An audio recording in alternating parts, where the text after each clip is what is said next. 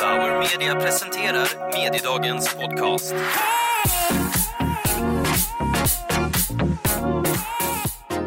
Hej och välkomna till Mediedagens podd som presenteras av Bauer Media. Jag heter Damon Asasi och idag ska vi träffa inspirerande talare på Dagens Medias event Mediedagen. Och nu sitter jag här i Bauer Medias studio och framför mig har jag, vem då? Pia Törnqvist. Pia, berätta, vad jobbar du med? Eh, jag jobbar på ett företag som heter Bisnode som är ett eh, ledande data och analysföretag och jag är marknadskommunikationsdirektör där. Tidigare idag har du varit uppe på scen, vad pratade du om då? Jag pratade om data på lite olika sätt. Jag pratade om eh, hur man ska våga börja jobba datadrivet, börja ta datadrivna beslut och jag inspirerade också lite kring eh, hur man kan använda ny teknik och data i sin marknadsföring och när man gör kampanjer. Eh, data, det, det, det, nu var jag på väg att säga så här, det pratas väldigt mycket om data och jag vet inte, det är, som, det är klart att det gör det och det är så här, data är nya, liksom the new oil och det är det ena med det andra. Eh, har vi blivit bättre 2017? Är vi, är vi duktiga på att arbeta med data eller liksom, hur långt har vi kommit? Vi har på ett sätt blivit duktigare för att vi har varit tvungna att bli duktigare. Eh, det finns så otroligt mycket data idag så att vi tvingas att bli duktigare på det. Men många företag har fortfarande samma utmaningar som man hade för 15 år sedan. Mm. Att få kontroll på sitt grunddata om sina kunder, eh, om vad kunderna köper, om varför de köper etc. Eh, och har man problem med den grunden då är det svårt att till exempel börja investera i eh, spännande AI-projekt eller mm. liknande. För att, så, data är så brett det är så brett. Det kan vara allt från att du har en e-postadress till att du har lagt en kaka i någons webb, eh, webbläsare. Det kan vara liksom vad, vad som helst. Och kan vi kan vi liksom göra lite mer konkret? Vad, kan du ge några exempel på, på svenska företag som jobbar väldigt bra med sin data? Ja, men det finns ju det klassiska exemplet det är väl Spotify ändå eh, som både är ett svenskt och ett globalt eh, bolag eh, som är extremt datadrivna. De fattar alla sina beslut byggda på data.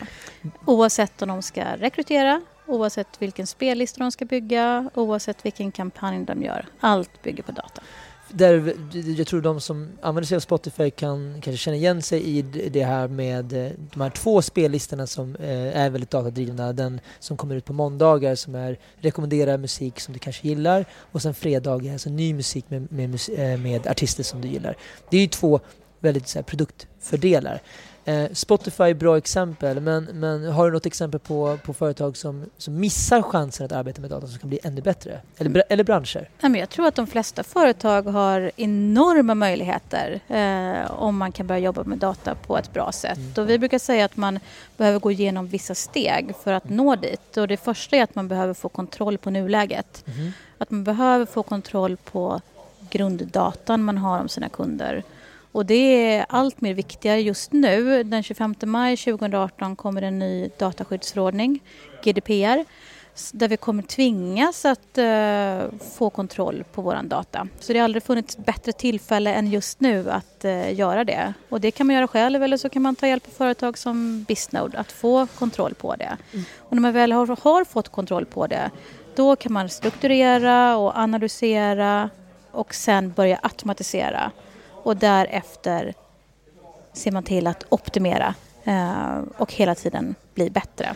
Den här nya lagen som, som trädde i kraft i maj, vill du berätta lite grann om den? Vad är det man ska tänka på? Eller så finns det några bullet points kring, kring den? Vi skulle kunna ha eh, en hel serie podcast mm. om bara GDPR. Eh, men man kan säga att det handlar om att säkerställa att personlig information tas hand om på rätt sätt. Eh, och då behöver företag ha kontroll på sin kunddata, all personlig data man har om sina kunder. Eh, men det handlar också om att se till att datan är säker.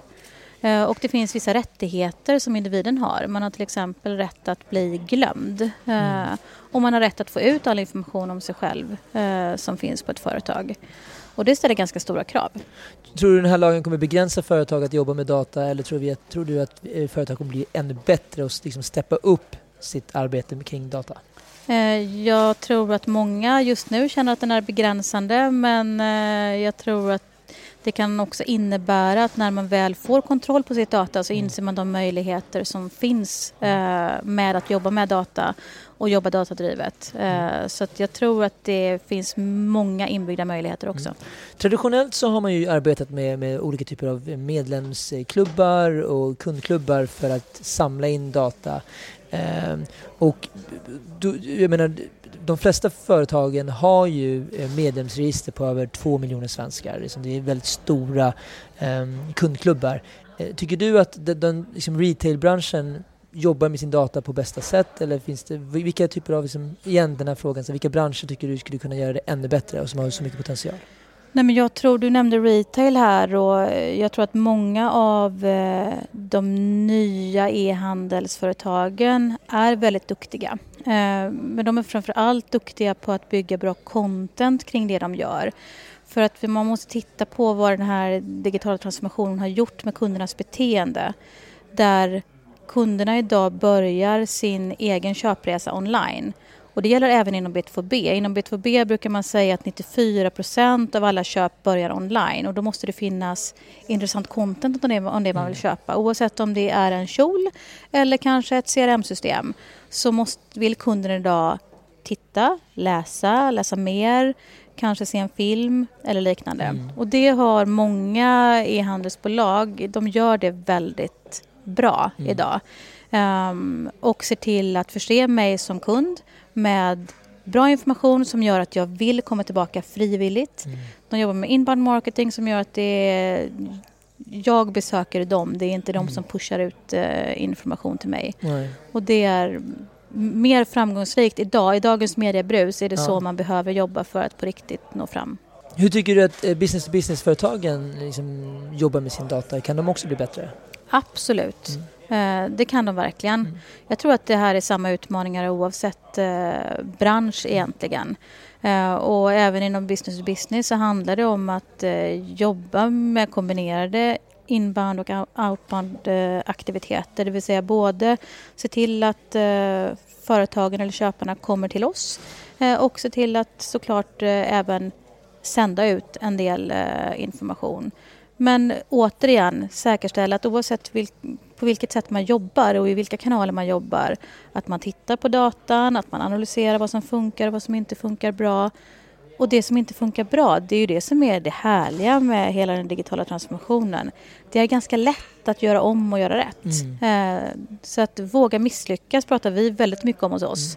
Mm. Eh, våga misslyckas, men våga misslyckas fort och sedan ja. Eh, göra om och våga testa nytt. Vad ser du just nu att era kunder behöver mest hjälp med? De flesta som kommer till oss behöver hjälp med tillväxt mm. på något sätt. De behöver hitta nya kunder eller de behöver hitta befintliga kunder som köper mer hos dem. Eh, alternativt så behöver de få hjälp att minska kreditförluster till exempel. Eh, och vi kan hjälpa dem med alla de tre bitarna. Eh, och det gör vi genom att titta på kundens data i kombination med den data som vi själva har och så lägger vi på analys eh, så att vi kan till exempel hjälpa kunden att se in i framtiden kan man mm. på ett enkelt sätt säga.